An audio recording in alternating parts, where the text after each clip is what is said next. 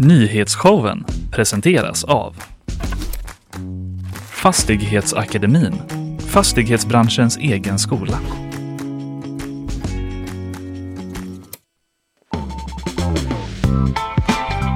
Ja men visst, det är ju nyhetsshowen som sänder igång med en ny vecka. Det är måndag, ny vecka, nya tag. Det är Linnea Rönnqvist. Och det är Kalle Berg. Visst är det så. Och du, det är ju en intensiv nyhetsmorgon vi har framför oss. Det kan man lugnt säga. Vi kommer först prata om Hamas attack mot Israel och Eh, ja, allt som skett kring det i helgen. Vi har till vår hjälp Janne Höglund, GPs utrikeskommentator, på plats i studion. Sen kommer vi också snacka om 15-åringen som varit försvunnen i Alingsås ju sen i måndags som polisen igår meddelade att man hittat död då i ett sökområde. Och du ska prata om eh, Rawa Majid, eller hur? Precis, det kom uppgifter igår eh, till SVT om att han ska ha gripits eh, vid gränsen till Iran. Mycket dramatiskt och intressant och så ska vi hinna med lite om partiledardebatten också ju. Det ska vi göra. Men dessförinnan så får vi en gäst också och det är Ola Serneke som kommer hit idag. Mannen bakom Karlatornet kan man väl säga. Exakt. Det har ju, eh, det invigs ju nu snart och eh, det har ju varit en del eh, turer får man säga. Smeknamn, fake alias, fallskärmshoppare och så vidare.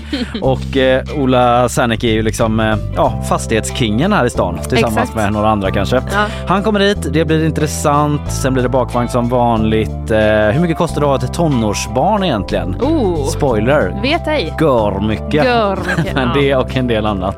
Hur mycket kostar det att eh, köpa sin första lägenhet egentligen? Har just jag. det. Också spoiler. Gör mycket. Gör mycket. Mm. Eh, Görmen i nyheter, eh, gör mycket pengar handlar det om. Eh, och eh, annars då, hur mår du? Jo men eh, bra tack Mm. tycker jag. Det var ju fruktansvärt kallt i morse. Ja, eller hur? Det var lite av en chock. Skulle jag vilja beskriva det som. Ja, första pre- mösspremiär för mig. Var det det? Mm. Ja, under hjälmen. Under hjälmen ja, Wow. precis. Känns alltid lite speciellt men eh, jag kör den grejen. Du måste köpa en tajtare mössa tror jag, en sån riktigt slimmad du vet. Ja det får du göra. Ja det får jag. Och handskarna ska fram. Mm. Men ja, nya tider, nya väder.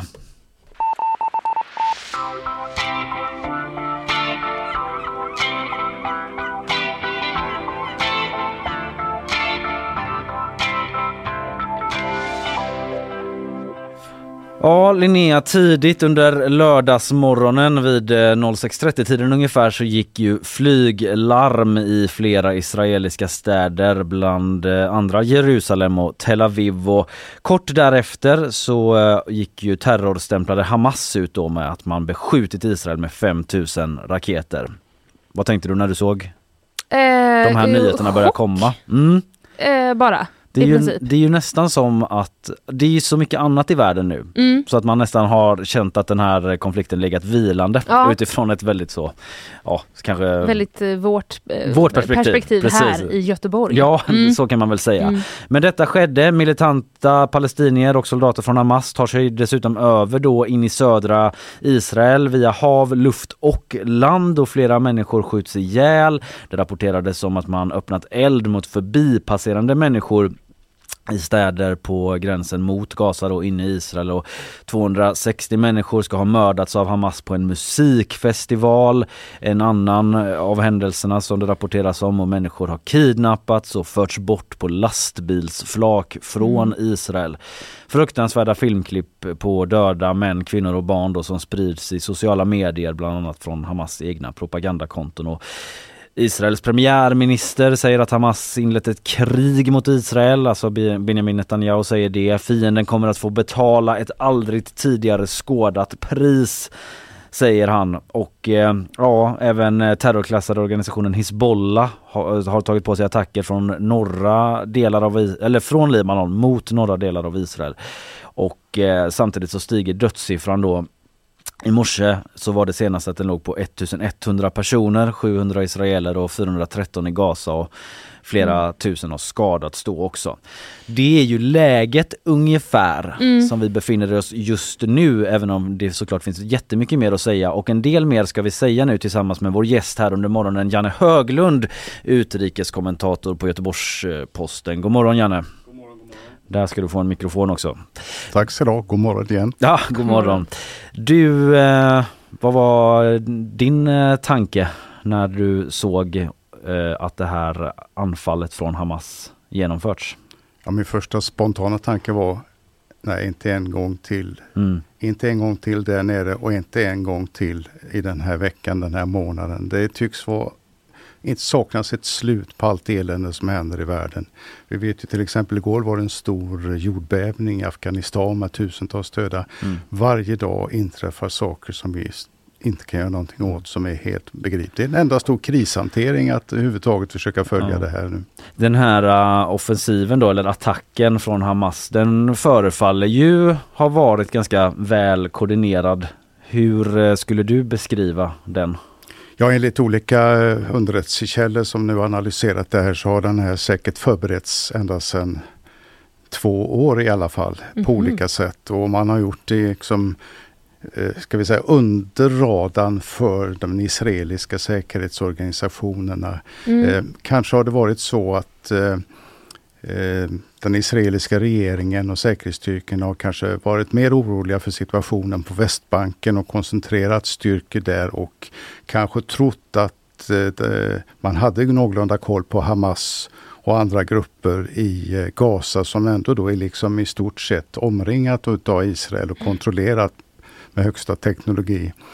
Men det var uppenbarligen ett fel och nu står man där och är chockade och så sent som igår så sa en talesman för den israeliska försvarsmakten att det här är utan jämförelse den värsta dagen i Israels historia. Aldrig har så många israeler och även andra medborgare dödats i en attack. Eh, Du nämnde i din på att det är 700 döda israeler bara Ja. tusentals. Och då ska vi komma ihåg att många är väldigt kritiskt skadade så att den här siffran kommer med all säkerhet att stiga. Israels 9-11 såg jag att Magnus Ranstorp, terrorforskaren, kallade det till Och exempel. det gör man även också inom den eh, eh, israeliska administrationen kallar det för 9-11 eller Israels Pearl Harbor som en annan referens till att man är överraskad.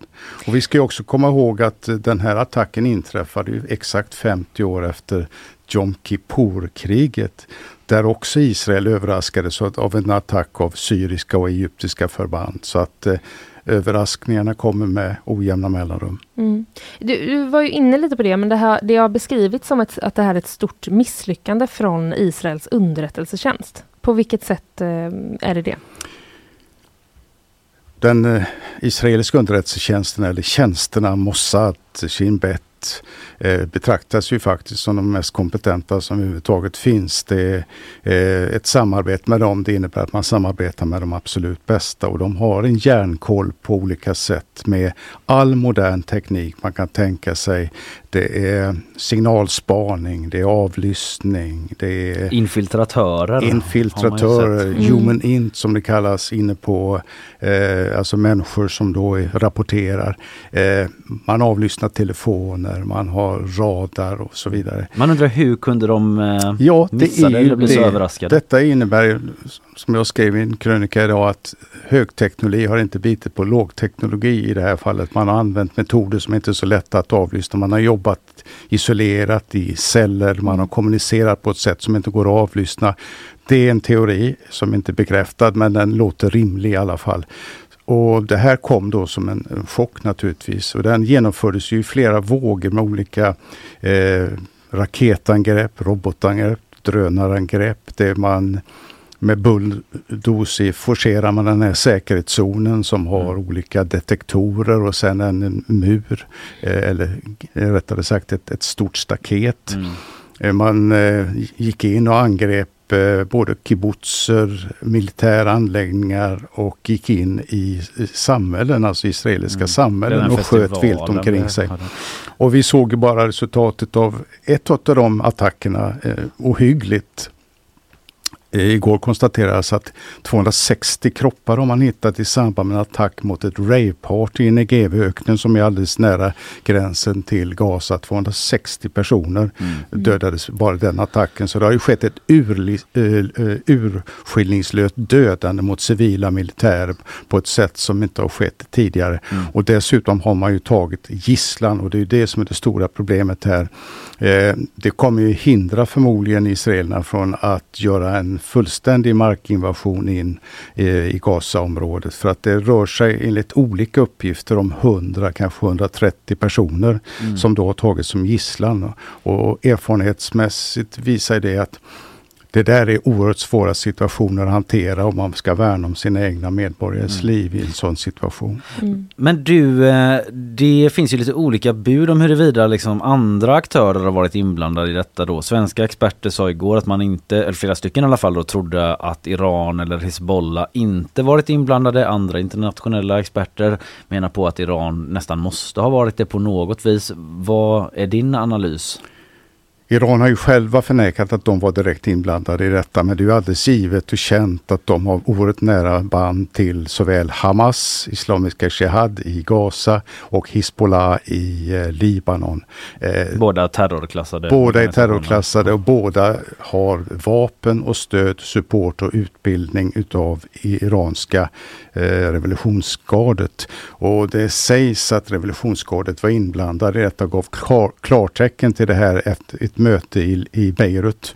Eh, det vet vi ingenting om men det är alldeles givet att eh, eh, Iran har sin utsträckta hand över de här grupperna och ger dem support. Utan deras stöd så hade förmodligen de här grupperna inte kunnat verka på det sättet de gör. Och vi ska märka väl att vid det här säkerhetsrådsmötet som var i FN igår kväll så försvarar också Iran eh, palestiniernas rätt att eh, skydda sig och så vidare. Så att eh, på något sätt så, även om man nu officiellt tar avstånd från att man var direkt inblandad så har man ju eh, en lång hand till mm. deras eh, krigare. Mm. Så att Iran är ju den stora eh, stötestenen och det stora osäkerhetstecknet här i området. Mm. Vad, har Hamas gjort något uttalande om eh, varför, man, varför man gör det här nu? Och i vilket syfte? Ja, de har ju planerat länge just detta. De erkänner ju inte Israels existens. De vill ju mm. förgöra mm. den nationen och eh, de ser det som ett eh, legitimt sätt att, att eh, med Jihad eh, angripa fienden och befria det palestinska folket. Men då ska vi komma ihåg också här att Palestina är ju inte bara i geografisk mening en splittrat landyta, det är också politiskt väldigt splittrat mellan olika radikala grupper. Och Hamas står ju sedan 2007 eh, i konflikt med den Fatah-stödda regimen, alltså den palestinska administrationen mm. på Västbanken som leds mm. av den överårige och kritiserade Mahmoud Abbas. Så att där finns ju en, en Eh, ett motsatsförhållande inom den palestinska rörelsen som gör det ännu mer komplicerat. Man undrar ju lite kring Hamas mål med själva attacken just för att styrkeförhållandena är ju ändå ojämna. Israel har ju en stor militär och en stor underrättelseapparat och så vidare. Alltså de, de, kan ju inte tro att de kommer störta Israel i den här attacken. Eller vad tror, förstår du vad jag menar? Liksom, vad är liksom det kortsiktiga målet med den här attacken? Man kan ju tänka sig att man genomförde denna största attacken man någonsin har gjort för att verkligen sätta fokus på detta att skaka Israel mm. och också uppmuntra andra grupper i området eh, till uppror. Framförallt kanske Västbanken men även då från Libanon. Hizbollah. Hizbollah ja. i Libanon som är en väldigt stark kraft i framförallt södra Libanon politiskt men mycket stark militär och mm. eh, har till exempel robotar som kan nå hela Israel från libanesiskt territorium och de angriper också eh, eh, Norra Israel. Norra Israel ja. är en, ett kontroversiellt område där igår för att visa sin solidaritet med Hamas. Mm. Så det finns ju eh, det är ett explosivt område där man är liksom omringad av fientliga krafter som kan öppna nya fronter. Och sen har vi intill, där har vi ju kriget i eh, Syrien som nu har blossat upp den senaste veckan igen. Och där är ju också Iran inblandat med starka mm. eh, intressen. Och Israel har ju från och till ganska ofta nu angripit mål i, i Syrien riktat mot just Hamas styrkor där. Va? Så att mm. hela området är ju eh, explosivt. Och genom, alltså, det, genom det som sker nu så är det ju faktiskt så att hela maktbalansen riskerar att skjutas. För in ett skäl till att Hamas gjorde detta nu kan ha varit att det har skett ett närmande mellan Israel och Saudiarabien under påtryckningar av USA. Mm. Eh, USA är beredda att ge säkerhetsgarantier åt Saudiarabien mot att man erkänner staten Israel och skulle det inträffa så skulle det vara en revolution i den här världen. Och eh, det är det som kan finnas i bakgrunden Mm. till att man agerar just nu. Ett högt eh, avancerat politiskt eh, Ja. spel i bakgrunden då. Och USA har ju eh, anlöpt, eh, säger man väl, med eh, världens största hangarfartyg till östra medelhavet. Eh, en markering får man anta, eller vad skulle krävas för att de skulle agera mer eh, offensivt i USA?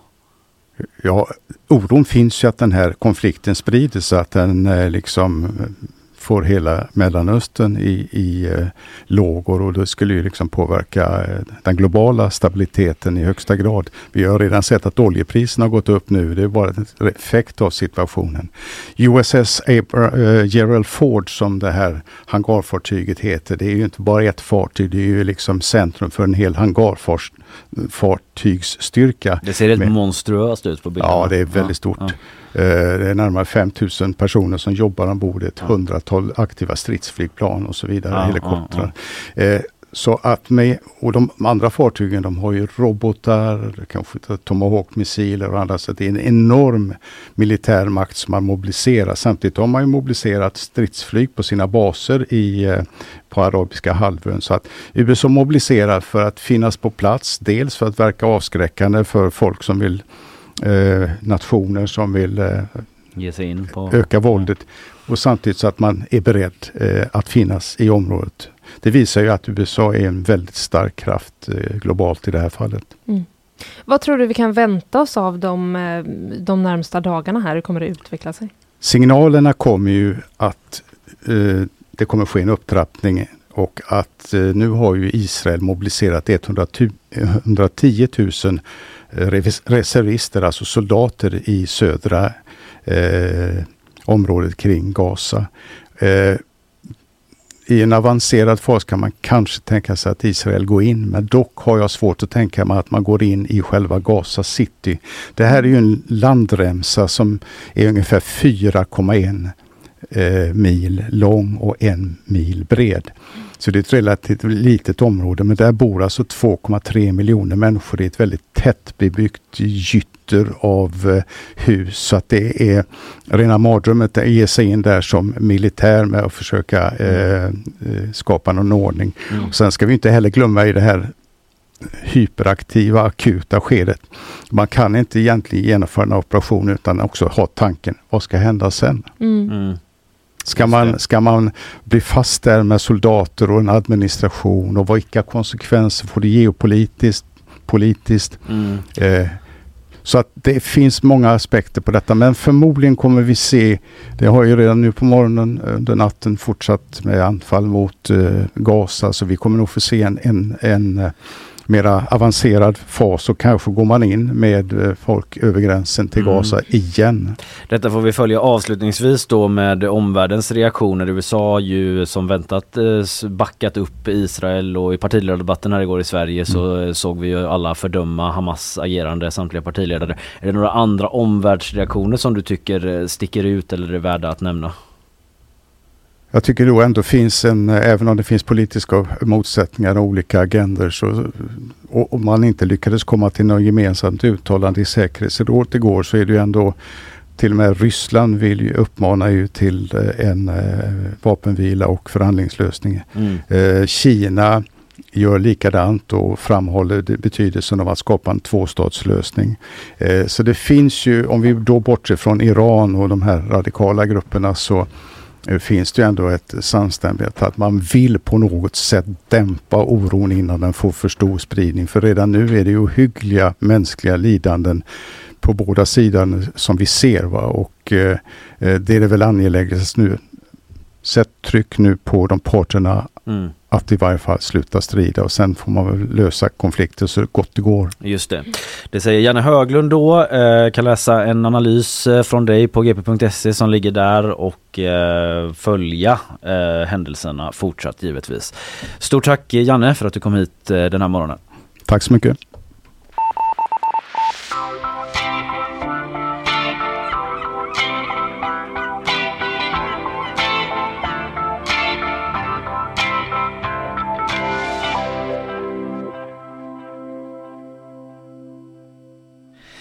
Ja, vi tackar Janne för den analysen och ska ta oss vidare i programmet. Innan vi gör det så lyssnar vi på våra sponsorer. Nyhetsshowen presenteras av Fastighetsakademin, fastighetsbranschens egen skola.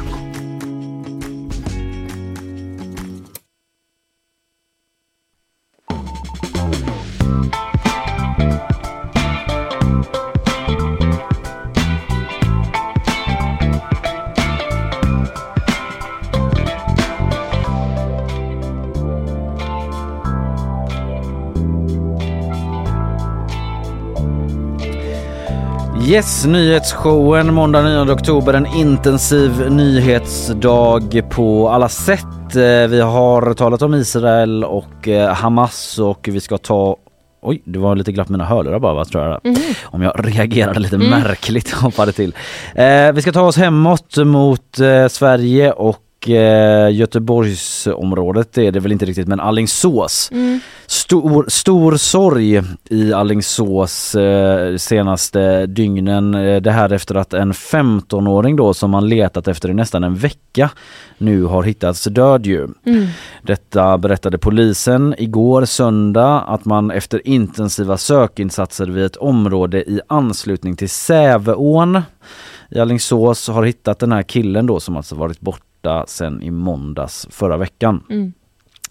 Polisen berättade ju också då att en ung man begärts häktad på sannolika skäl misstänkt för mord på den här 15-åriga killen och eh, den häktade nekar till brott.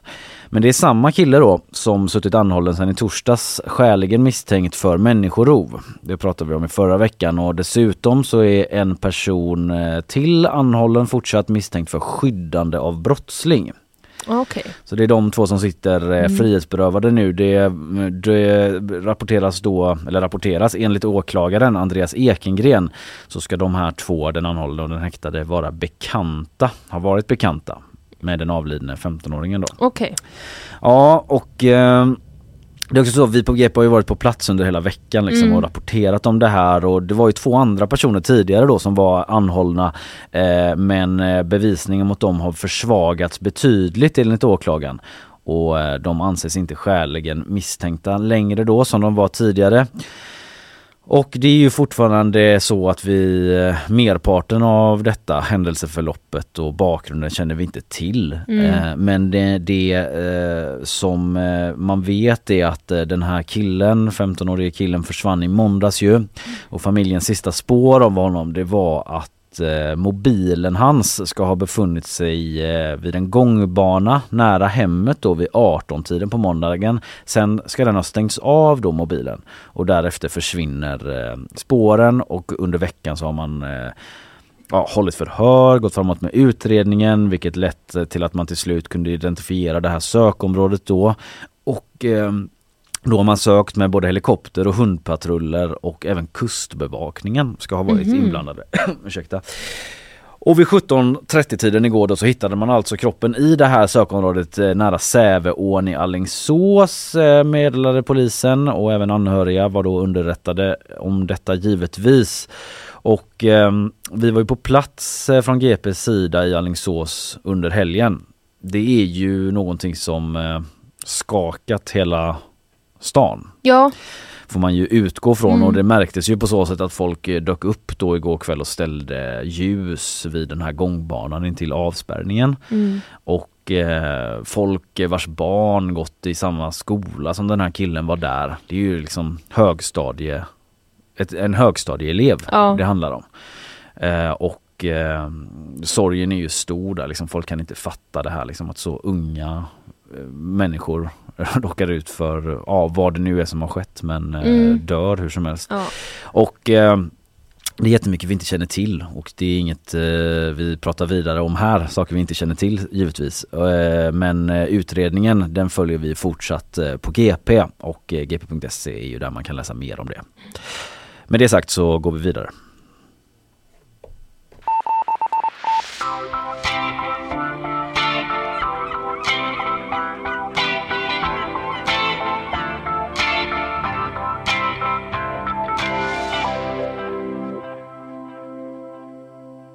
Om en stund så kommer ju eh, Ola Serneke hit. Ja. Vad har du på Ola Serneke egentligen Linnea? Jag har exakt eh, det som, eh, det som du sa i inledningen. Att det är alltså mannen bakom Karlatornet. Precis, Mm. han eh, drog ju igång det hela satsningen för typ 15 år sedan kan man Mm, säga. det var inte igår. Nej, hans dröm, hans projekt och Mm. han har ju blivit lite utskrattad längs vägen. Alltså tidigt att folk på kommunen var så, tror du det är Dubai eller? Mm. Men nu står tornet där. Nu är det Dubai. Jajamän, Göteborg, Kalif och så vidare. Mm. Alla smeknamn som varit, Gylfen, Blixtlåset och sådär. Vi ska prata med honom om eh, resan. Mm. Resan Karlatornet. Det har ju hänt en del grejer under, under tiden. Han själv har ju avgått som VD till exempel för hans eget bolag. Eh, men man undrar ju hur han känner då när han står och blickar mot det här Ja, det färdiga måste vara en tornet. känsla. Ja, det är ändå en symbol över hans liksom, Verkligen. yrkesliv på något sätt. Väldigt speciellt. Isabella Persson, eh, god morgon. God morgon. Du är här för att ge oss ett eh, nyhetssvep ju. Yes. Intensiv morgon även för dig men Det är det. eh, jag säger varsågod och eh, låter dig helt enkelt ta vid. Över 260 personer som befann sig på en musikfestival i Israel nära gränsen till Gaza har bekräftats döda. Detta rapporterar israeliska medier och räddningstjänsten beskriver händelsen som en massaker. Det rapporteras också om att Hamas avfyrat över 4 000 raketer mot israeliska mål och attackerna ska vara fler än vad som totalt avfyrades under den senaste krigsronden för två år sedan. Enligt Reuters ska Israel attackerat minst 800 mål i Gaza och dödssiffran på båda sidorna har nu överstigit 1100 personer med över tusentals skadade. Igår kväll hittades den försvunna 15-åringen avliden nära Sävån vid Alingsås. En tonårspojke sitter häktad misstänkt för mord och enligt en person med insyn i utredningen så ska polisen se bevisen mot den häktade som extremt stabila.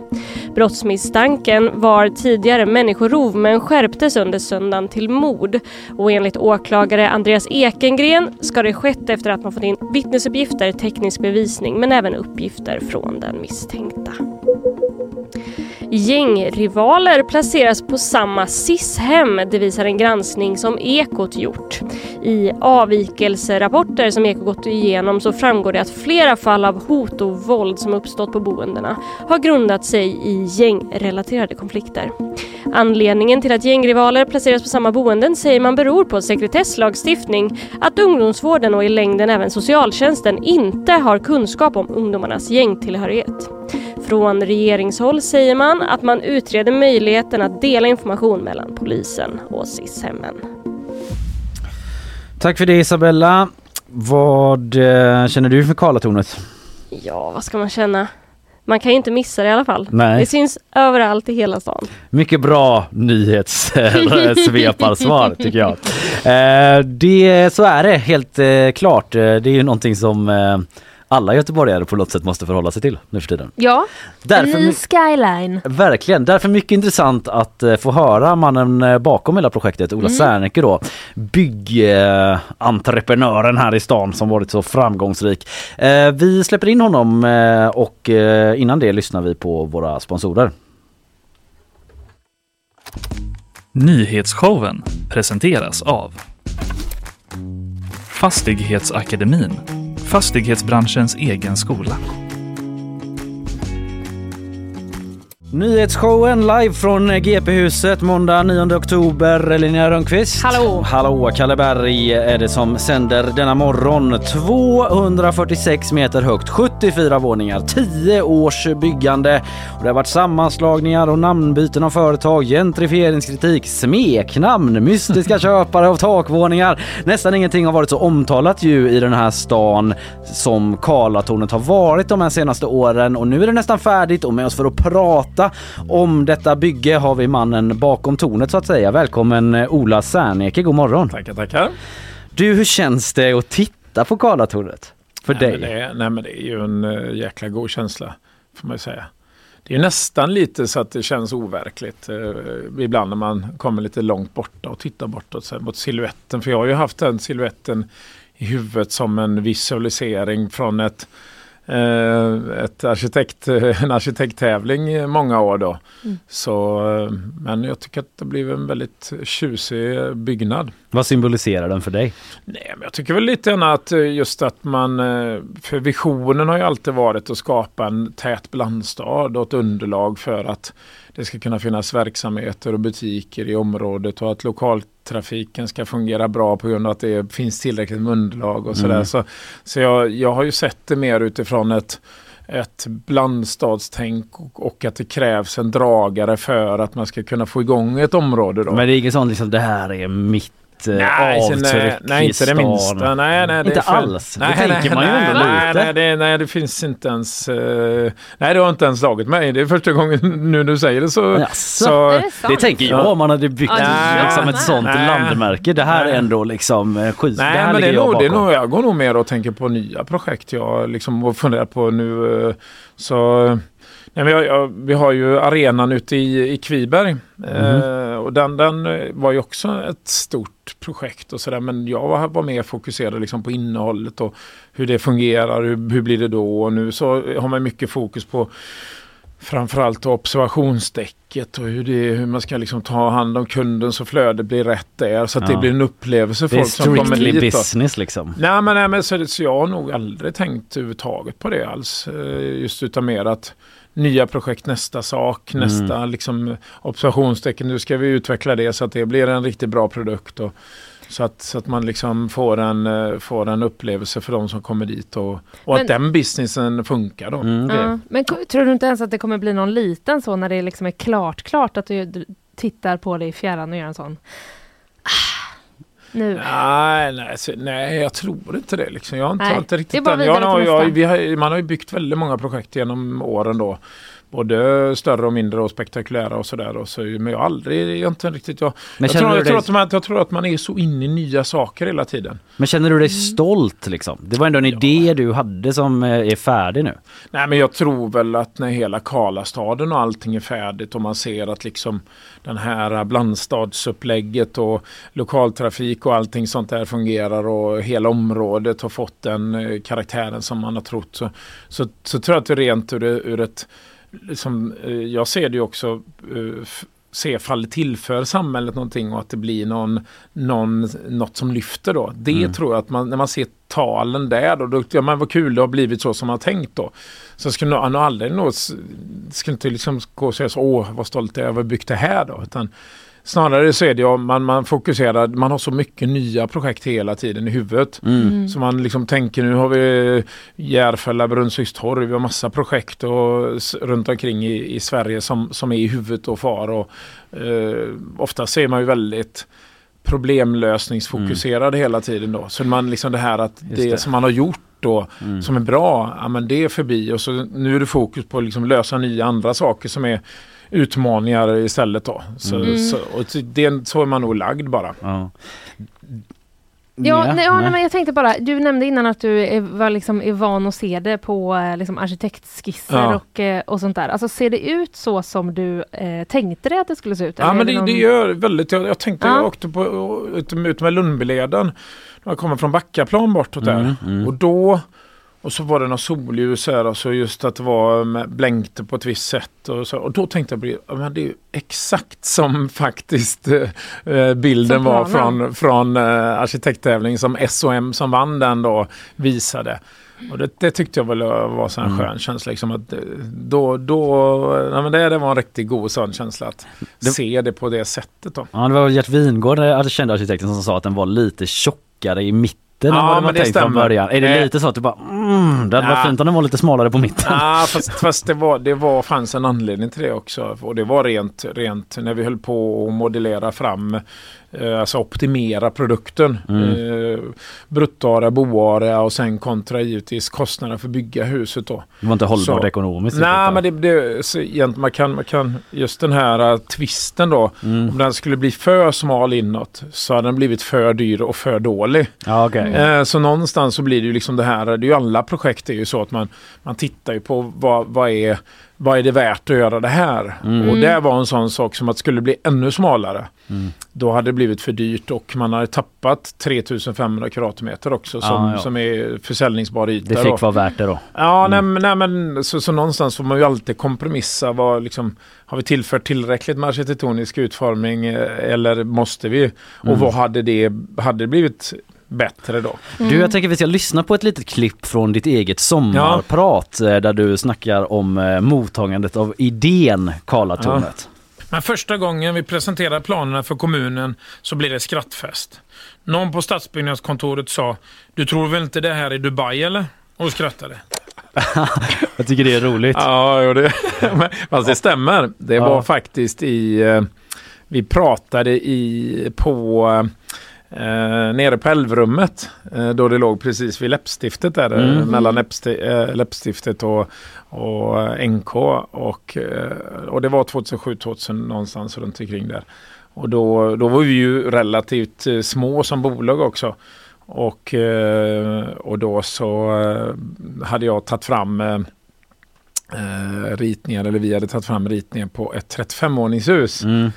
Och då höll de ju på att skratta ihjäl sig. Ja, just det. Eh, Det de tyckte alltså ja, men det, var- det var, Hälften av. Ja, det var då. riktigt sådär. eh, Och då, fast då, var, då fick jag en sån här riktigt god känsla att nu ska jag rackarns bevisa att Ja, har här det går. varit en drivkraft? Visa Ja, de jävlarna så att säga. Nej, men, men lite grann. Alltså, man vill utmana och göra någonting. För jag trodde ju på det här med hög exploatering, skapa underlag för kontor och verksamheter och butiker att överleva och ha bra hyror men ändå tjäna pengar. Mm. För det är ju det som är grunden till eh, att du ska få en, en stadsbild som blir blandstad. Det är ju att alla mår bra. Verksamheter och de som bor där och att, att du kan betala Mm. tillräckligt med hyror för att eh, fastighetsägaren ska vara glad. Detta men- drar du men de bara, det är inte Dubai det här. Nej, nej, nej, nej, nej. Ja, men då, nej, men då, och, det, och det var så precis. Och då, och då sa de det att, eh, skrattade någon där och sa att, eller det var ju väldigt många på den här dragningen då som tyckte det här var eh, både lite utmanande men eh, också skrattade åt att det där kommer ju inte hända ändå. Så, Mm. Men vad tror du? Alltså, tror du att eh, det här att Karlatornet kan liksom bana väg nu för nästa liknande liksom, hus eller bygge? Eller kommer det bli mer som att Malmö har sitt Turning Torso Mm. och så har vi Karlatornet? Eller kommer det liksom ploppa upp ännu fler? Jag tror det kommer ta lite tid innan det kommer något. Så det något som blir högre kommer nog ta extremt lång tid. Du Mm. hoppas kanske? Nej, men jag, nej, men jag, nej, det är nog bara om man ser utifrån ett uh, utmaningsperspektiv då. Så, så jag tror att många är, eh, har svårt att ta, eh, ta den utmaningen. Mm. Mm. Alltså risken tar den. Folk, folk är ju väldigt i tron om att bygga ett höghus är ju extremt stor risk då. Ja, Eh, det och det, och det, nej, men det, det, Som lekman tänker nej, man ju nej, det. men så, så är det. Och, och så, fördelen för oss då, eh, att är det, är det någon som ska bygga ett nytt Karlatorn ytterligare så är det klart då ligger vi ju bra till i och med att vi har ju gjort och vi vet eh, exakt vad som har varit våra utmaningar under resans Mm. gång. Då. Finns det något, det var ett annat eh, högt torn eh, vars hotell invigdes i helgen, Ja. Hotell Draken. Var du där eller? Du, jag, tyvärr, jag var på ett annat, en annan tillställning som krockade med den. Mm. Så jag, Men du var jag bjuden tvungen- av Stordalen? Ja, ja, ja, absolut. Nej, men jag, jag, jag, så jag missade det tyvärr då. Ja. Så, ehm, Vad kände du när drönarshowen sket sig då? Nej, men den var ju, det var ju synd. Ja. Det var ju jäkla trist. Men, men så är det ju. Ja. Men liksom, det, är- allt går inte på räls liksom. Och det, så det, det var en kul grej. Ja, Ringde det var du? en rolig grej. Men finns det någon sorts rivalitet där tänker jag mellan dig och Stordalen och Erik Selin? Är ändå liksom de stora rikingarna, mest kända rikingar Ja, i nej, Göteborg. men, nej, men jag och Erik är ju väldigt goda vänner. Ja. Eh, så, så. Ni är så Erik Selin är också inblandad i Karlatornet. för Ja, nej, inte men vi, vi pratar med varandra varje vecka liksom, Mm. i olika sammanhang. Och så, så, nej men absolut inte. Det är bara, bara positiva liksom. Ja. Ingen så skadeglädje att drönarna inte, nej, funkar. nej, nej, nej. Det är ändå det Nej. andra tornet Nej, jag. jag tyckte, nej, inte ens i närheten. Nej, nej, absolut inte. Nej, jag fattar. Nej, det, det, det är ett fint, fint hotell och fint projekt, Draken. Så, så det var, nej, Nej. all framgång åt det. Du, eh, det har ju varit en del eh, smeknamnsförslag på Ja. Karlatornet. Ja. Eh, Vi hade en omröstning här, det är andra som har haft omröstningar Ja. också. Här vann smeknamnet Gylfen. Ja. Har du någon favorit? Jag, alltså jag tyckte ju, jag vet det var någon tävling för många år sedan när vi hade gjort ett första utkast då, typ, typ 2011, 12, 13 något sånt där. Då mm. var det ju massa sådana här mm. roliga namn. Då, då var det Saurons torn. Ja, nej, men det var Glen, Glenpire State ja, Building det, och Eh, Blixtlåset. Ja, Lindholmen var ju något och sånt där. Och, Alltså det, det var ju många sådana eh, och Bursch, äh, äh, Göteborg, Göteborg. Göteborg mm. och nej men jag, jag, jag tror att när det är helt klart så man ser verkligen hur den, alltså skepnaden på just, just hur den ser ut då. För att man, man, nu ser man ju mer och mer de här uh, kronorna. Ja, uh, och då ändrar den ju lite skepnad. För tidigare när man inte såg dem så, så såg det väldigt gyllfaktigt ut och väldigt blixtlåset. Vad är det för kronor? De har inte jag sett. Ja, men äh, man kommer se det nu när man tar bort den här Common Tower som heter den här äh, hissen som går utanför där då. Då kommer man se det ännu mer då. Mm -hmm. Men tittar man uppe från Ramberget nu då så ser man det väldigt bra då. Och längst upp så avslutas det med fyra kronor. Mm. Eh, och i de här fyra kronorna som är fyra våningar så är det ju en lägenhet var då. Och där är ju de här, de här så kallade penthouse-lägenheterna då. Som du har den? Ja men precis. Mm. Eh, så, så, så de, och den, det, utseendet på det kommer ju synas mer och mer i, såklart när man tar bort eh, mm. kranen och allting runt omkring då. Och det tror jag kommer göra att, att utseendet kanske ändrar lite Uh, smeknamnsutformningen kanske kommer att ändra då mm. helt enkelt. Då. Så det Vill kanske inte blir blixtlåset. Oh, det kanske inte blir gylfen. ja, nej, men jag tror, nej, men lite så. Nej, men jag tror att, jag tror att gylfen och blixtlåset kanske försvinner och så ja. kanske det blir något annat istället. Vad då. ser det ut som då? Alltså, nej, men, nej, men, då, då, nej, men det kanske blir någon sån här uh, spira eller någonting. Spira, ja. en liten, ja. en liten plantering om Ulla Serneke, ja. spiral. Jag ser framför mig en, en kungen i kubb. Ja, ja, kan det vara så? Ja, nej, men, uh, kungen i schack ja. liksom. Ja, men det ja. blir, den är rätt så väl. Ja. Kubben. Kubben. En god ja. kubbe. Typ. Vält den så vinner du. Otroligt svårt. Ja, svårt. Ja, vi får väl se vad det landar i. Ja, ja men precis. Men du, en annan eh, grej som har skett här under mm. eh, byggprocessen, det var ju att det kom fram att eh, du hade skrivit under pseudonym då på ett mm. aktieforum där du då liksom snackade upp eller försvarade. Mm, försvarade får jag nog säga. Ja. för, det var, för det var det faktiskt. Ja, ja men ditt, eh, du försvarade ditt bolag då ja. Eh, mot, liksom, eh, mot folk som var kritiska och det skrev vi om på GP. Det mm. blev en stor grej och du avgick som, som VD för jag bolaget. Jag bytte tjänst ja. ja jag blev VD, du... VD i investmentbolaget istället. Mm. Ja. Men en förflyttning ägde rum. Ja, ja nej, men så, så var det. Hur ser du på, för du bad om ursäkt också för detta, hur ser du på hela den här historien idag? Ja, alltså nu är det ju ett antal år sedan, tre år sedan snart, men, nej, men det är klart att vet, man är ju rätt så, vet, man är ju så inne i sitt bolag och man hatar ju att förlora, man hatar när folk liksom säger osanningar. Och det är klart att då vill man ju försvara sig. Jag är ju sån som person, jag vill liksom stå upp för det som är rätt och, och sådär då. Och det... Hur gick det till? För, då, då har du ett liksom alias-konto på det här mm. aktieforumet. Mm. Att, eh, är det när du ser det här att du liksom i affekt skapar det? Nej, bara... nej, nej, men, nej, men det, var, det var faktiskt det var flera som sa till mig liksom, fan vad de skriver dumheter om oss. Mm. Och så bara, jag får kommentera någonting då. Och sen var det ju liksom lite skriverier där och så, jag var, men, och så blir man ju irriterad på varför de på och skriver så här.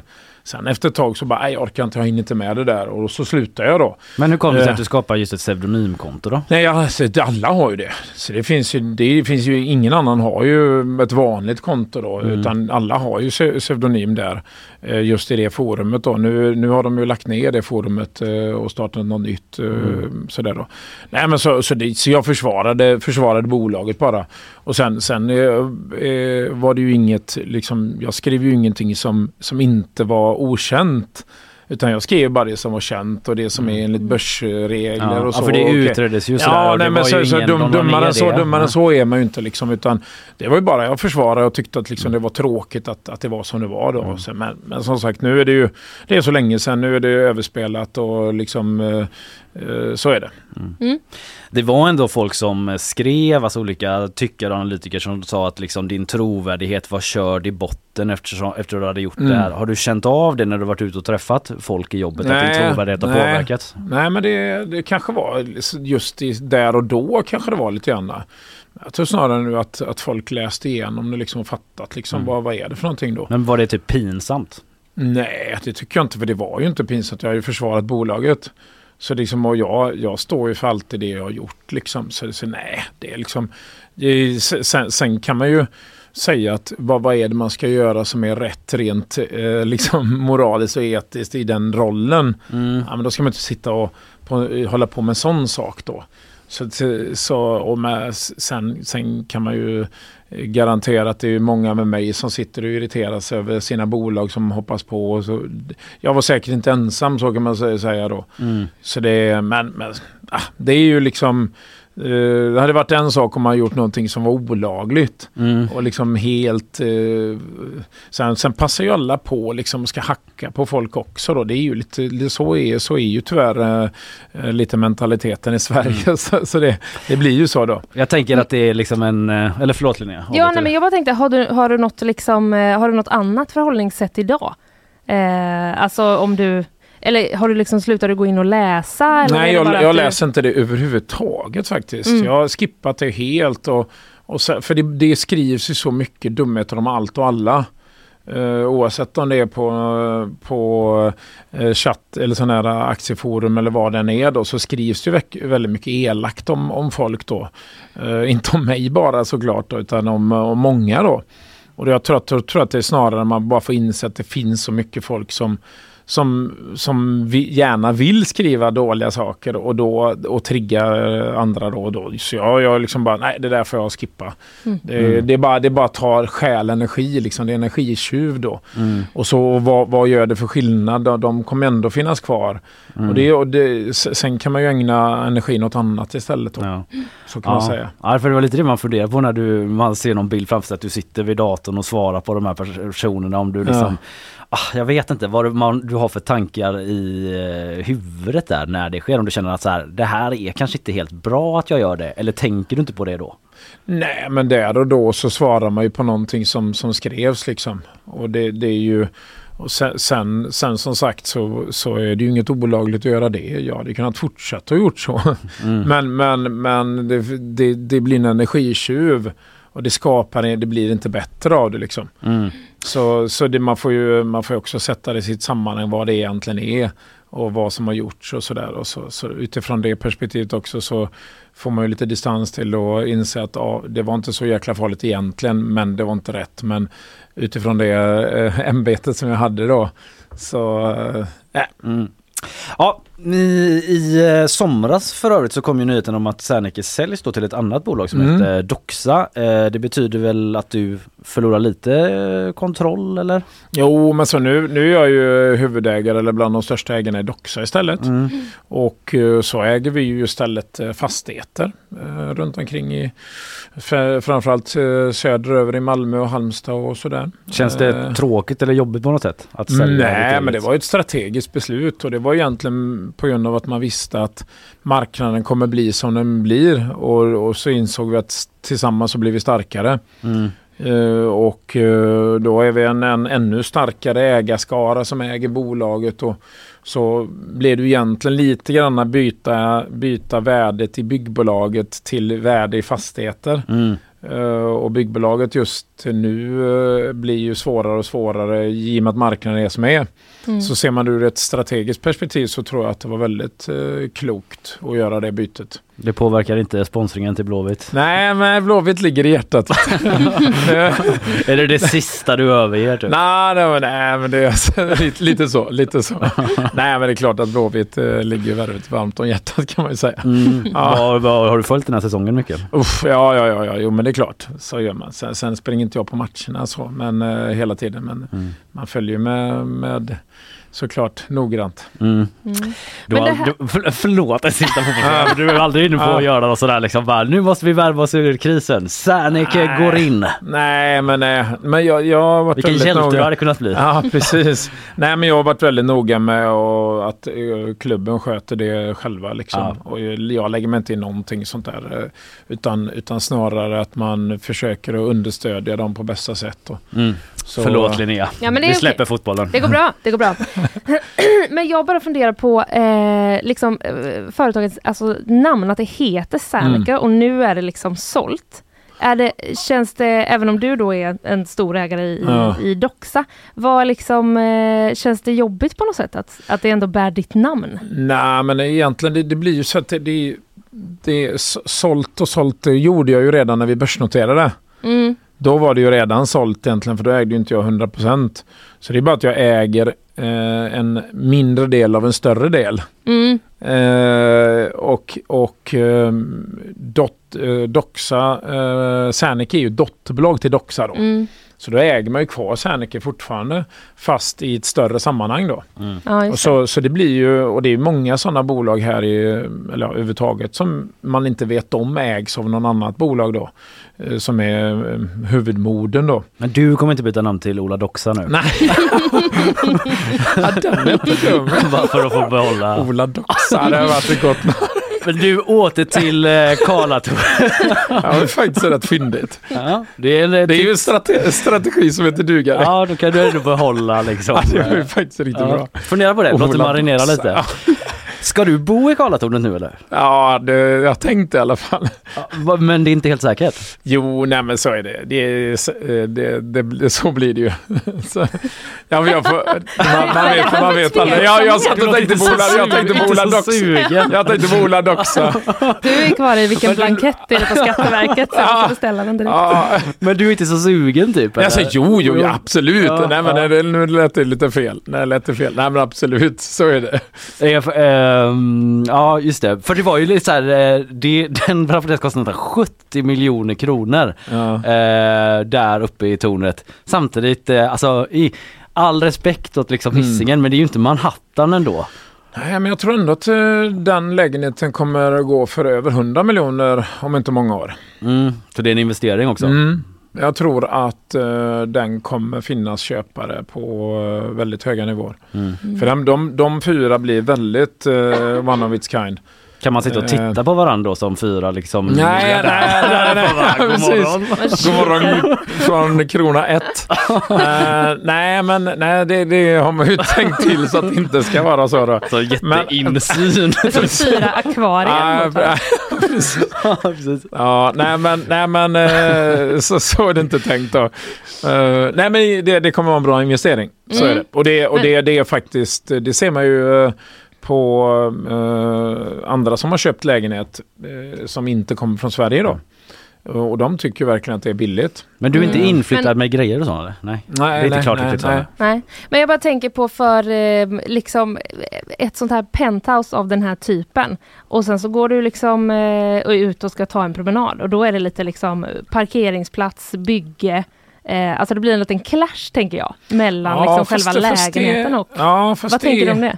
Nej men du har ju, så egentligen så, i och med att det blir ju färdigställt allt runt omkring oavsett då. Eh, sen blir inte alla byggnader klara då, men så är det ju vart man än är någonstans så är det ju liksom, ja, det byggs där och byggs där och så, så jag tror inte, och då är ju, du så nära, går du 10 meter så är du ute på Lindholmsallén, går du några 100 meter så är du uppe på Ramberget, går du några 100 meter så är du nere vid vattnet. Så, så, så den är ju liksom, det är bara eh, f- 40 meter transportsträcka så är du, är du förbi eh, kvarteret då. En bild som vi har fått när man ser tor- tornet från håll bara är att det väldigt ofta är dimma runt det. Ja, det är extremt 2 procent av Ja, dagarna. är det det? Ja, nej men det Ja. är faktiskt det. Ja, det var någon Det sån här metro- men det var, det, men det var alltså någon meteorolog som hade uttalat sig eh, i SVT eller, var det Sveriges Radio? Det var någon av dem, SVT Radio eller SVT. Och då, det är bara några få procent av dagarna som blir, eh, blir att det är dimma då. Och det är klart, du kan kolla hela sommaren har inte varit någon dimma överhuvudtaget. Utan Mm. det är ju de här höstdagarna och vårdagarna då. Men är det Då är någonting det. som, som ni liksom har räknat på? Dimrisken? Ja, fast dimma är det ju överallt. Det är Mm. ju liksom oavsett om det är på 0 meter eller 100 meter eller 200 meter. Så det, det, är, ju, det är ju dimmigt i Göteborg. Det är, ju- det är bara att kolla, kolla varför la vi Landvetter, eh, eller Landvetter flygplats i ja. Landvetter. Det är ju Mm. dimma Mm. konstant. Eh, Så det, Ja. det är nog de mest dimrika platserna i Sverige, Landvetter flygplats. Så Ja. det är också lite annorlunda förläggning av flygplats i och för sig. Då.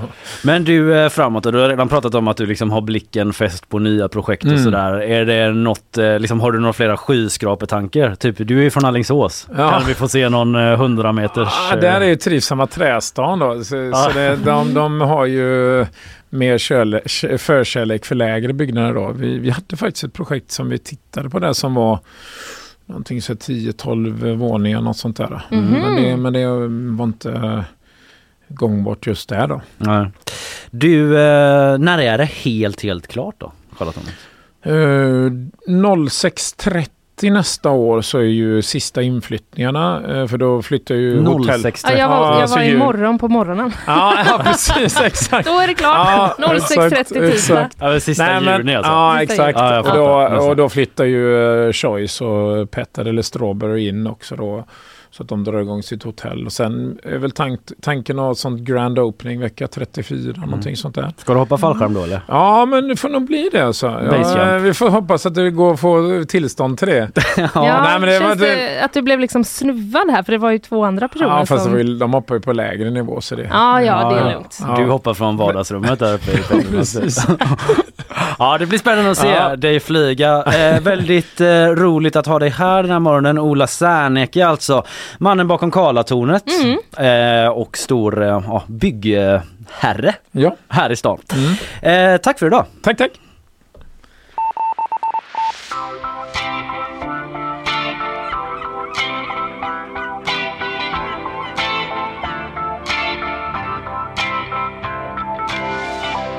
Yes, vi ska vidare i programmet. Det blir partiledardebatt och en del det. smått och gott. Eh, först eh, sponsorer. Nyhetsshowen presenteras av Fastighetsakademin, fastighetsbranschens egen skola.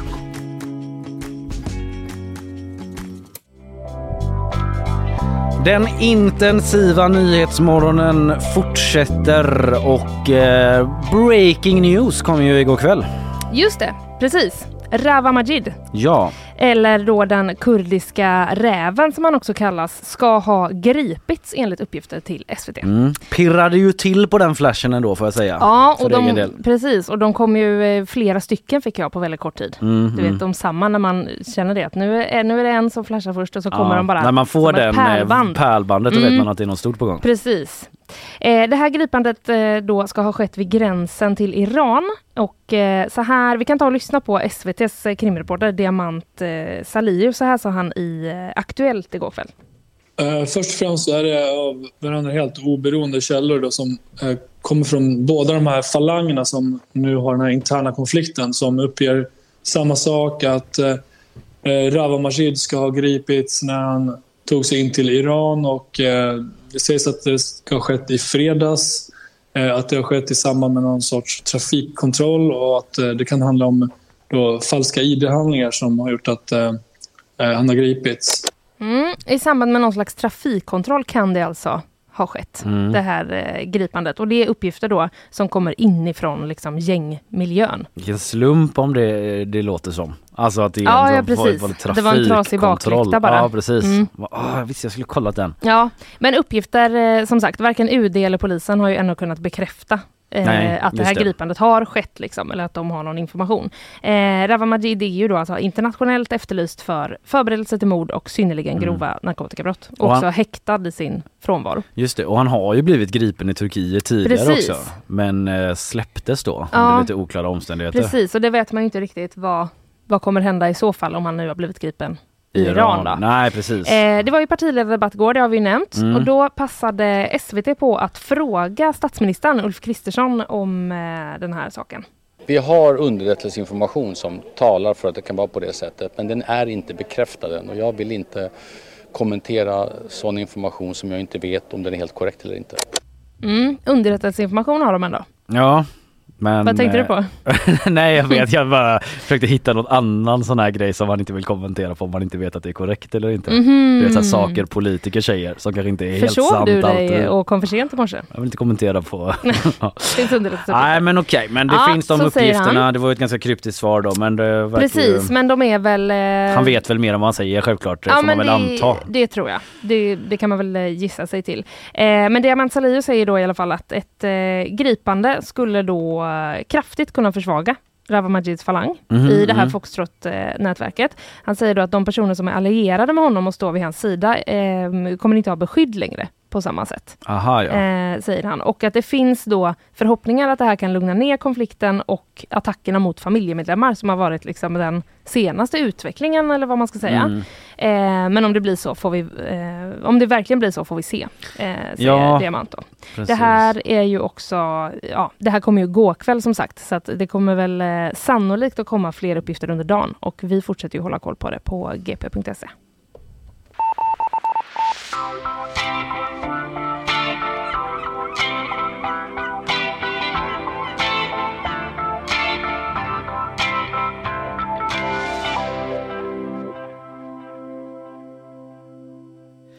Ja men du nämnde ju det. Det var ju partiledardebatt igår. Ja, Och det var i SVT för övrigt. det trodde Åh, man inte att jag skulle säga. Nej, jag la sån emfas på och. jag fick chocken när jag skulle kolla på den, satte på ettan och bara, vad är det här för lekprogram? Svaren i tvåan. Så var det på tvåan. Det är mest sånt som chockerar dem eh, som tittar. Eller, som, eller jag vet inte, blev du, blev du Nej väldigt vet så? du, jag blev lite ställd och så Ja. trodde jag först att så här, ah, det är, är det fel dag då? Jag har missuppfattat. För jag Just tänkte inte det För det brukar alltid vara på ettan eller? Nej men jag vet inte, jag tycker att det som är liksom, Mm. eh, jag vill se på ska gå på ettan va? Just det, men det är traditionellt sett sen liksom tillbaka till när tvåan startades. Ja. Att det är lite lättsammare på tvåan. Absolut. Eller? Visst är det Nej, så? Eller tvärtom? Är det tvärtom? Nej men det är väl mer så här eh, tråkiga saker går på tvåan. Är det så? Ja. Men då var det ju helt i sin ordning då. Jag vet. Ja. Men, Eller om man nu jag- tycker att Ja partiledardebatten är precis, tråkig. det är det för, som är Men jämfört med ett lekprogram så måste ju Ja, ändå ambitionen vara att lekprogrammet ska vara roligare. tänker jag Ja mig. det måste det vara. Ja, det var något av ett sidospår. Du, för debatten eh, började ju med ämnet eh, Hamas då. Ja. Attacken mot Israel. Alla partiledare fördömde ju detta förstås. Där man eh, skilde sig åt dock en eh, liten bit eh, som jag tänkte vi kunde prata lite om är ju huruvida man ser på biståndet till Palestina Mm. om det ska fortsätta som vanligt eller om man ska strypa det. Liberalerna tycker det, att man ska strypa det alltså. Även KD och SD tycker det. Det är uppenbart, till och med säger Ebba Busch, att biståndet måste frysas. Det är orimligt, säger Jimmie Åkesson. Inte att det ska strypas ska- eller frysas nej. Mm. utan att, Att Sverige, fortsätter. precis, Mm. att Sverige skickar pengar till organisationer som i praktiken ägnar sig åt den här typen av våld och terror. Det var Jimmie Åkessons beskrivning. Eh, vi utreder det, dundrade Ulf Kristersson. Han dundrade inte det, men Nej. han sa det för att de håller Okej. redan tydligen på med en utredning berättade han om eh, biståndet till Palestina just för att inte en enda krona ska få gå till terrorverksamhet. Mm. Som Janne pratade om mm, tidigare, det är ju liksom ett eh, komplext eh, område detta Palestina. Ja, ja, ja. Liksom. Mm, Det är inte Hamas verkligen. eh, som eh, styr och ställer eh, allting. Ja, ni förstår vad jag menar i alla fall. Eh, Magdalena Andersson och sossarna, de eh, kräver inte något indraget bistånd i det här läget. Och Miljöpartiet och Vänsterpartiet tycker inte heller det är en eh, bra idé. Mm. Den som skulle bli glad för det, det är ju Hamas, sa Nooshi Dadgostar Mhm. att bidraget, eh, biståndet dras in. Marta Stenevi säger att det inte är palestinska barn precis som skjuter raketer. Nej. Och eh, alltså mm, man får väl tolka Nooshi Dadgostar lite men eh, även eh, moderaten eh, Carl Bildt då, tidigare stats och utrikesminister, han skrev på Twitter så att han vill se mer bistånd och att det är hopplösheten som föder terrorismen. Mm. Så jag läser liksom lite Nooshi Dadgostar i ljuset av det också. Att liksom Mm. indragna resurser och sådär för civilbefolkningen skapar en desperation som gynnar Ja, terrorister. ja, ja. Så tänker de. Så lyder väl argumentationskedjan Mm. ungefär. Eh, men eh, ja, Liberalerna de tycker inte bara att biståndet ska strypas då eller frysas utan att vi också måste börja sälja vapen direkt till Israel nu. Och Jimmie Åkesson tycker att man dessutom borde se över erkännandet av Palestina som stat. Som ju drevs igenom Just det, det kom upp ja. Ja, 2014 där Mm. Löfven eh, administrationen. Det säger man inte i Sverige egentligen va? Det är lite Nej. amerikanskt så. Ja, regeringen. Biden-administrationen. Ja. Löfven-regeringen ja. Mm, Mycket mm, riktigt. mm. Ja, så det var väl det om biståndet. Mm. Vet du vad de... Eh, eller förlåt, du var inte klar kanske? Jag var klar. Ja, du var klar. Det var, jag tog Perfekt. en eh, sipp kaffe Du tog här och liksom började luta mig tillbaka. Nu är det Linnea. Så fick du en fråga av mig. Perfekt timing. Fan Nej men du efter Ja. Efter det här eh, så gick de ju över på gängkriminaliteten. Ja, Eh, och då har jag eh, smugit in på SVT sajt och eh, läst lite vad Mats Knutsson säger mm. om eh, detta så att vi får med oss något av det. Eh, han skriver då att eh, det fanns ett, eh, finns ett brett stöd i riksdagen för kraftigt höjda fängelsestraff för unga.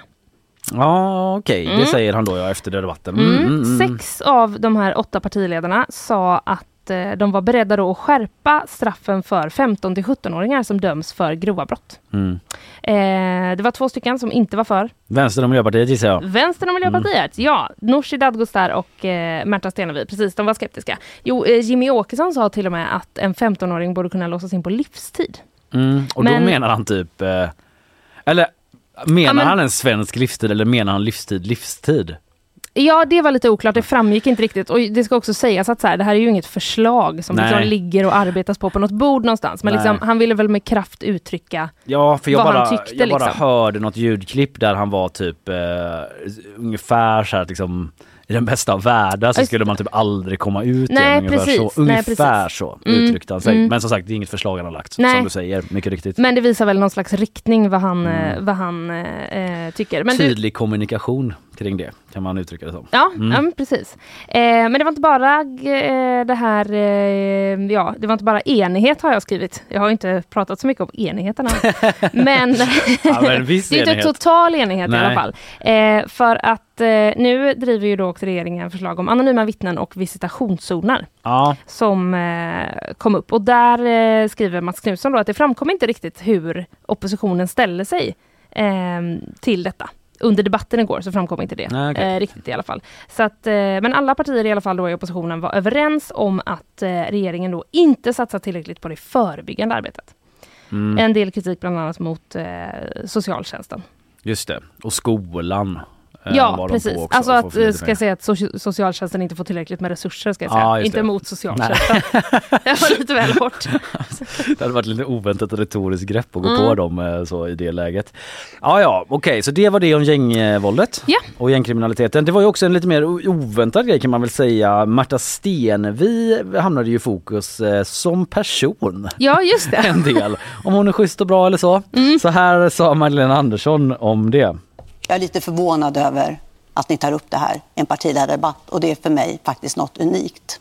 Jag håller med. Okej. Ja, Konstig stämning i SVT. Oh. Det var Ebba Busch som på slutet var så, jag håller med, jag håller med, jag tycker Ja, också det är ja, konstigt. precis. Alltså och Anders Holmberg som bara, okej, Ja. Mm. ni tycker jag är konstig, okej, vi går vidare. Eh, det handlar ju om, om någon har missat det, att eh, de senaste dagarna så har det rapporterats en del om Märta Stenevis ledarstil. Mm. Att hon har kritiserats inifrån då för att bedriva en toxisk toppstyrning som det heter och att situationen är ohållbar. Detta beskrivs i ett brev som eh, har skickats av en anonym, jag ska vara, det har undertecknats av, eh, av eh, de två fackliga organisationerna Saco och Unionen. Så Just de det, gemensamt står det. bakom den här kritiken då. Mm. Och Märta Stenevi har sagt att hon inte känner igen sig i den kritiken. Mm. Men hon tar det på väldigt stort allvar. Mm. Och då kom det upp som ett ämne i partiledardebatten. Ja, det låter ju lite ovanligt i alla fall. Lite ovanligt, det tyckte ju Magdalena Andersson som steppade in då och typ styrde ner hela diskussionen. Vad är det som har varit problemet?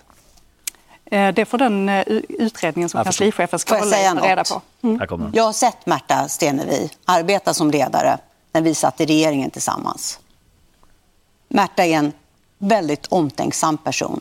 Mm, och så fortsatte hon Mm. om att hon var omtänksam och landade i detta att hon tyckte det var konstigt att man tog upp det. Hon sa också att eh, hon bryr, ja, att Märta Stenevi bryr sig om folk men att hon också är väldigt tydlig i sitt ledarskap. Mm. Och det sa Märta Stenevi också. Jag jobbar nära med stort förtroende för mina medarbetare men också med en tydlighet och bestämdhet. Mm. Så att du tänker att du har en chef som är väldigt, väldigt nära och då är väldigt tydlig Ja. och bestämd Just det. På ett väldigt nära sätt. ja, eh, så det har uppenbarligen upplevts på olika sätt där Mm. inom Miljöpartiet då. Mm. Vad det verkar och eh, ja, de ska utreda detta efter gängse procedur då inom Miljöpartiet. Ja, ja, ja.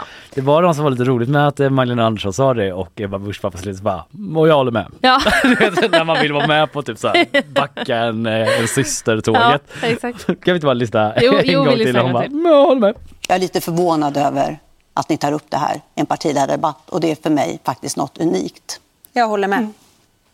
Okej. Ja, det, hon håller ju säkert med. Ja. Så det är inte så. Det var bara att man liksom mm, man vill in där Ja, och vara med exakt. på det. Mm. Hon vill bara stötta. En Plus ett. syster, även om man är på olika sidor om politiken. Ja, ja, ja, vi släpper debatten för nu. ja det gör vi.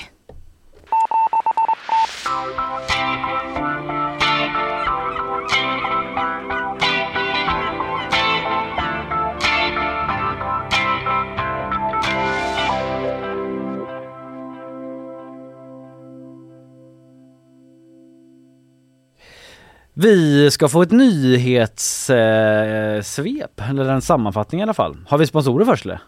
Nej, kom fram här Isabella. Jag tror vi har kört dem. Eh, vi, eh, vad har du på gång Isabella? Kom fram till mikrofonen. Ja, det har ju varit en väldigt intensiv nyhetshelg. Ja, minst sagt. Vi har eh, rapporterna från Israel-Palestina, vi har 15-åringen som hittades avliden i Alingsås. Som ni också pratat om och Rawa Majids gripande i Iran. Mm. Ehm, lite från ehm, Israel då. Ehm, vi pratade om det med, tidigare med Janne men eh, det diskuterades ju lite USAs roll i det hela. Mm. Det är ju intressant eftersom eh, USA är en stark allierad till Israel. Eh, amerikanska fartyg ska vara på väg. Ja. De skickar en flotta till Medelhavet.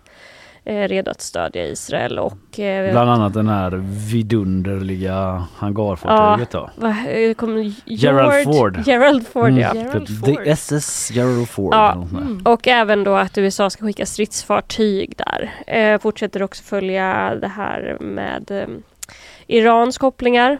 Eh, källor. Just Eh, Anthony Blinken, USAs utrikesminister, har ju varit lite så sagt att eh, nej, vi vet inte riktigt hur Iran har varit inblandade där. Och backat lite på den. Ja, han har backat lite på den ja. Ja. Det återstår väl att se. Det lite- återstår att se. Eh, men eh, Janne nämnde också en sak i början här. Jordbävningen i Afghanistan. Det är helt frikopplad. En helt annan händelse. Mm. Men på tal om Mm. hemska saker som händer just nu. Det har varit så otroligt mycket nyheter att man, eh, det har hamnat nästan lite i skymundan. Ja. Men i helgen inträffade ju ett jordskalv i västra Afghanistan. Eh, det finns uppgifter om att sex byar har förstört och skalvet ska ha haft en magnitud på 6,3. Mm. Eh, och där har dödssiffr- dödssiffran nu stigit till närmare 2500 personer. Mm. Ja, bra att du fick med den. Precis. Det är Mm. ju liksom smått otroligt att en sån grej hamnar i eh, skymundan. Mm, det är jättes- ett stort skalv. Ja. Eh, sen idag trodde ni att vi har fått slut på Nobelpris. Ja, typ. Ja, nästan. Inte Fredspriset eller vad är det? Nej. Nej, fredspriset kom ju Ja, men just det, det i kom ju. Det var. Iran och det där, ja. Exakt. Ja, just det, just det, just det. Eh, men det är väl eh, inte kanske riktigt Nobelpris. Ekonomi. Exakt. Just det, ja. Mer korrekt, Sveriges Riksbanks pris i ekonomisk vetenskap till Alfreds Nobels minne. Just det. Mm. det är Åh en vilken liten... sån, vi hänger på den Ja. på Ja. måndagen veckan efter. Det är som Ebba Busch i partiledardebatten. Exakt. Och vi är med också. Jag håller med. Mm. Eh, finns flera kandidater. En svensk är med på Mhm. topplistan. Mhm. Där att eh, kunna få det här priset. Är det Erik Thirén? Det är Nej, det är ju inte. hans egen det är hans organisation egna som delar pris. ut det. Ja, just det. Han Det blir ju lite tokigt. För att vi har varit så Ja. bra på att höja räntan. Ingen har någonsin höjt räntan. så mycket som vi. Det har nog någon men ja. Det har ju verkligen Bengt Dennis till exempel. Ja, vi ska inte nörda ner oss i det. Nej. Förlåt Isabella. Vem är det? Vem är det? Han Vem var det? Vem är det på Torsten- listan? Torsten Persson heter Aha. han. Eh, vid Stockholms universitet no forskar more. han. Eh, nej, visst, visst jag lämnar det här. Nej förlåt, Stockholms universitet. Där är han. Han Torsten. forskar där på samspelet mellan politik och ekonomi. Ja, det låter ju viktigt. Det är det är ett viktigt samspel ändå. Ganska brett Ja, ämne också. visst, visst, Ekonomi och politik Ja. hänger det ihop. Ja. Ja. Men det gör det tycker Torsten. Och han kanske kan få det här priset då. Ja, vi får väl se. När får man veta detta då? Kvart i tolv idag. Kvart i tolv. Mm. Om det är Okej. Torsten Mitt eller i lunchen. Mitt i lunchen. Det blir ingen lunch. Ställ in lunchen Linnea. Ja men det är ju perfekt, hinner man titta.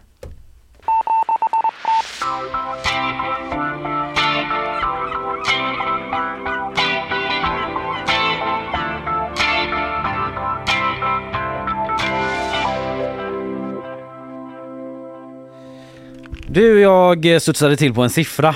Mm. Och det var den eh, som beskriver kopplingen mellan politik och ekonomi. Nej det var det inte. Utan det var så mycket kostar ditt barn är rubriken varje Just år. det. Mm. Det är vi på GP då som har en artikel om en ny uträkning som gjorts för hur mycket det kostar att ha en tonårsson eller dotter. Nobelpris i Eller ekonomi? frågetecken. Ja precis. Till Erik Hilmersson som har skrivit den här artikeln. Är det han som har gjort uträkningen? Tror inte det Erik som har suttit och räknat på det. Det vet jag att det inte är. Ja. Det hade varit väldigt konstigt. Och sen skrivit en artikel själv om det. Ja. Jag har en grej här. Jag har räknat. Mm. Och så råkar man trycka bort det på miniräknaren så bara fuck! Ja, men jag är rätt säker på att det var det här. Nej, Swedbank är det. Som har räknat på eh, framförallt, eh, eller som har räknat på det här, en 15-åring är betydligt dyrare i drift idag jämfört med 2009. Man har jämfört med 2009 då och då nämner de, eh, eller så här, jag säger det på det här sättet. Ja det var ju jag då. Ja förlåt. Mm. Ja, då var du 15. Mm. Ja, då var du inte så dyr i drift som en 15-åring idag. För Nej. då hamnade den summan på 100 000 kronor om året. Va? Mm. Men då måste det räknas typ med att eh, den här 15-åringen ska betala någon del av amorteringar och sånt. Ja, man, man tänker ju nästan det. Ja. Det blir nästan lite skrämmande säger Madeleine Falkenhäll, hållbarhetsekonom.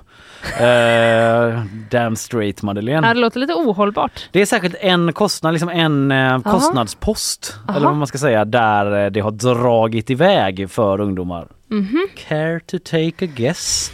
Som kanske inte var lika, lika då synlig på din tid 2009 som 15-åring. mm, är det liksom typ abonnemang eller i teknik? Ja! Tekniken Teknik. har dragit Ah. iväg, helt rätt. Eh, det är ju där man bedömer att det har skenat iväg då. Eh, och eh, ja, det är väl helt enkelt... Vad eh, kostar det då? Eller finns det någon uppdelad sådär?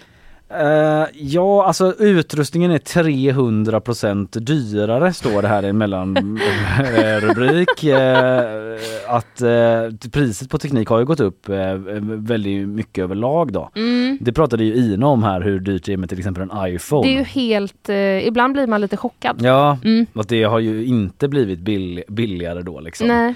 Eh, och eh, sen ser jag att en ettåring är ju det som kostar mest enligt Jaså? Swedbank. 147 000 kronor. Men vadå den ska ju inte ha någon eh, telefon Nej, inte enligt eh, Liberalerna i alla fall. De tog bort skärmar ur förskolan. Det, Men jag menar, det får de stå för. Ja. Nej men det är väl, jag vet inte, blöjor, eh, Blöjor? kostar ju, kan jag meddela, Ja. är inte gratis. Nej, Och eh, det är vaccin och det, eller ja vaccin är väl Måste typ man gratis. betala för det? mesta. Men blöj, Karlsson inte det där skaka på huvudet. Blöjor är väl dyrt eller? Inte som en iPhone kanske. men kan det vara blöjor för 147 000? Nej det kan det nog inte. Men det är väl en del av eh, kakan ändå. Är det olika bodys också? Ja, Som räknas där in så har vi detta? startat en helt ny garderob för en Ja, människa liksom. Men det det. fortsätter ju hela tiden i och för sig ändå. Mm. Ja, men det är liksom lite o... Intressant! Du, Mm. jag, vet- jag tycker vi ska länka den här på vår Instagram sen. Ja men det gör vi, ska, Mm. man, ska man läsa där. Eh, ja precis, alltså från ett, att ett barn föds till att det fyllt 19 år ska det kosta ungefär 1,8 miljoner. Det kan jag omöjligt ha kostat. Nej, det är ju idag då. Mm. Vad kan du lägga ner det på då? 600 000? 300 000 kanske? 300 000? Alltså jag Low var ju självförsörjande i princip från 12-årsåldern.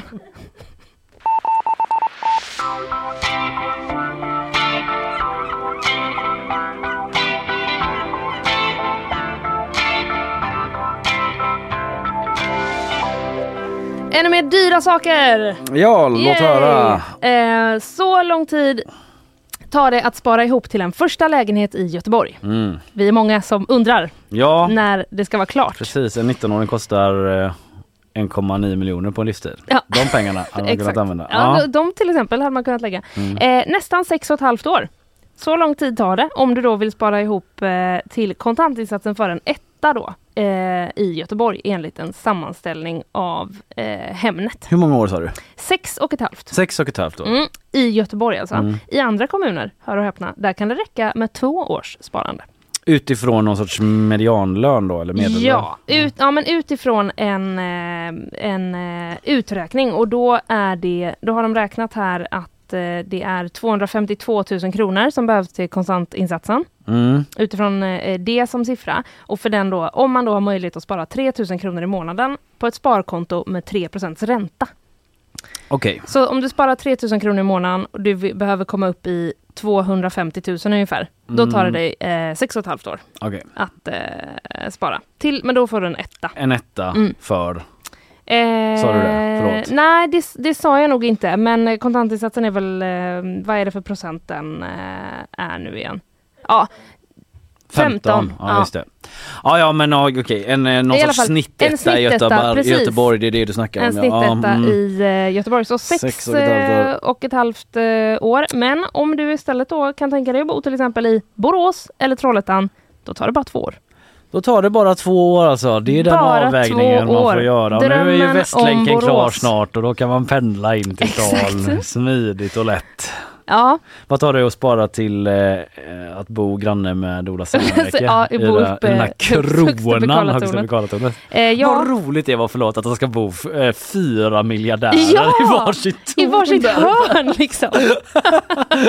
Det var något jävligt kul att de sitter där i varsitt lilla torn och bara Good morning sir. Det är, ja, men det är också lite synd att de har, uppenbarligen har tänkt då på att det inte ska kunna gå att bara kika in till varandra. Ja. Det skulle ändå kunna vara ett väldigt liksom de skulle kunna ha väldigt mycket sådana businessfrukostar Mm. ute på någon liten eh, platå mitt emellan mitten, som alla har en egen bro till. Det hade man också velat se. Ah, nu har han gått Ola. Ja, Det var så mycket bra tips. vi får ringa honom och eh, fråga. Men du kan i alla fall trösta dig med eh, det här med att köpa lägenhet och hur länge man behöver spara. Det är ännu dyrare i Stockholm. Åtta år. Underbart.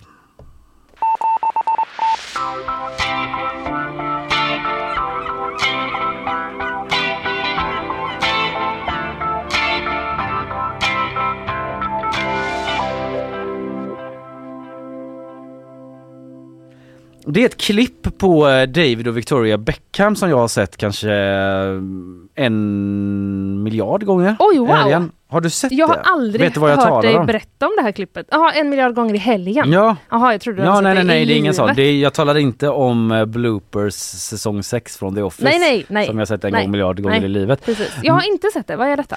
Eh, det har ju kommit en eh, dokumentär på Netflix om eh, Beckham-paret Mhm. och eh, med en anledning av den så sprids det här klippet asmycket då. Folk tycker det är jätteroligt. Jag misstänker också att Netflix själva är del av att sprida Mhm. det här som någon sorts klipp.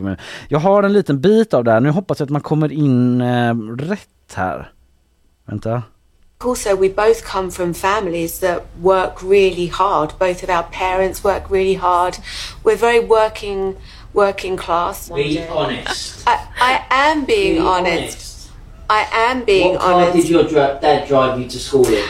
So my dad did. No, one answer. My dad. What well, car was it? all right, it's not a simple answer What because. car what did you get your dad to drive It you to school in? depends. No, no, no, no, no. Okay, What in the 80s, What- my dad had a Rolls Royce. Aha. Vet du, jag har sett det kommer jag på nu. Det här har jag Ja. faktiskt sett. Ja. Ja för det är ju överallt nu. Det är ju roligt. Man undrar hur stageat det är för det Beckham liksom lutar in huvudet genom en dörr och bara be honest. ja, ja, verkligen. Hon var ju ändå Porsche, Porsche Spice. Exakt. Victoria Beckham också. Mm.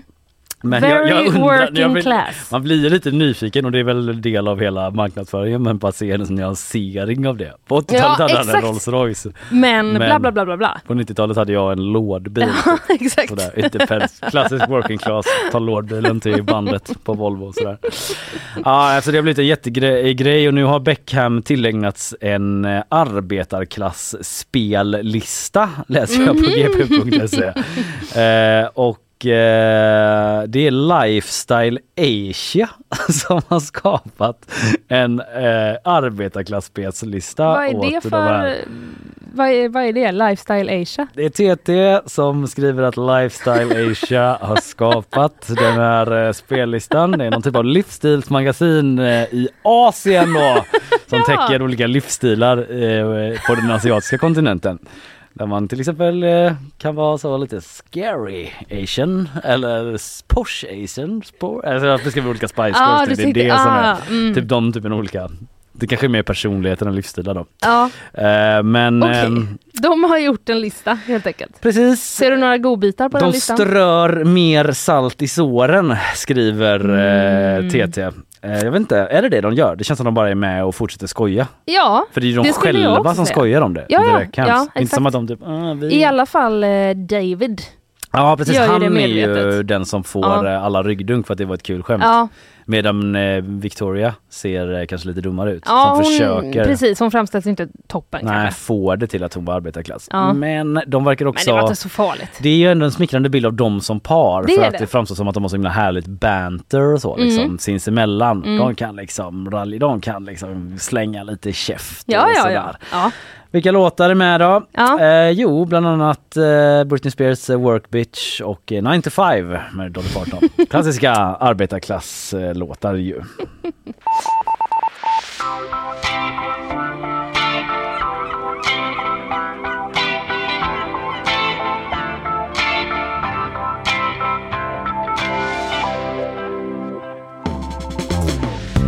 Ja! Eh, vi säger väl så angående den här sändningen från nyhetsshowen. Vi har ju pratat om så mycket idag. ja, Allt började med att Janne Höglund var här. precis. Och pratade om, eh, vi pratade om Israel Mm. och eh, Hamas anfall där i helgen. Precis, Janne gav oss en analys av läget framåt och en bild av omvärldens reaktioner och ja, hur allt det här hänger ihop egentligen. Mm. Och vi har också pratat om eh, 15-åringen som polisen nu meddelat att man hittade död då i Alingsås igår. Alingsås i, so i stor sorg kring detta naturligtvis. Och du eh, pratade också om Rawa Majid ju. Det har hänt så mycket. Ja, det finns uppgifter om att han ska ha gripits eh, vid gränsen till Iran. Fortfarande lite mm, obekräftat, men eh, det ser vi till att uppdatera om på sajten. Det gör vi. Partiledardebatt var det igår också. Vi gjorde en genomgång på det. Och så var ju Ola Serneke Ja! här också. Karlatornets eh, upphovsman. Han- The Precis. man with the plan från Ja. början då. Sen har det varit lite turer och det har bolag hit och dit och så Mm. gett sig in och ut och sådär. Eller in framförallt kanske. Men eh, vi pratade med honom. Jag lanserade smeknamnet Ola Doxa. Just han skulle det. byta för att Byta hans efternamn. företag har sålts Mm. till Doxa då. Det tyckte Mm. han var kul och det tyckte Han, jag ja, var kul. Då. precis. Det känns verkligen som det tog skruv hos Han honom. kunde typ inte släppa Nej, det. nej. Han, han, det bara fortsätter snurra så, olika blanketter och hur man går tillväga. Och måste man göra nytt pass Och och körkort? jävla roligt att vara liksom committed to the bit. Eller hur? Och bara körde på Ola Doxa. Ja, får man ens heta det i efternamn? Lite oklart. Vet inte, det Nej, är kanske jag varumärkesintrång. Ja, ja, det Ja. var väl det. Vi är tillbaka imorgon igen. du och Imorgon, Fanny. ja. Mm. Eh, det säger vi. Ha det gött, hej. Hej!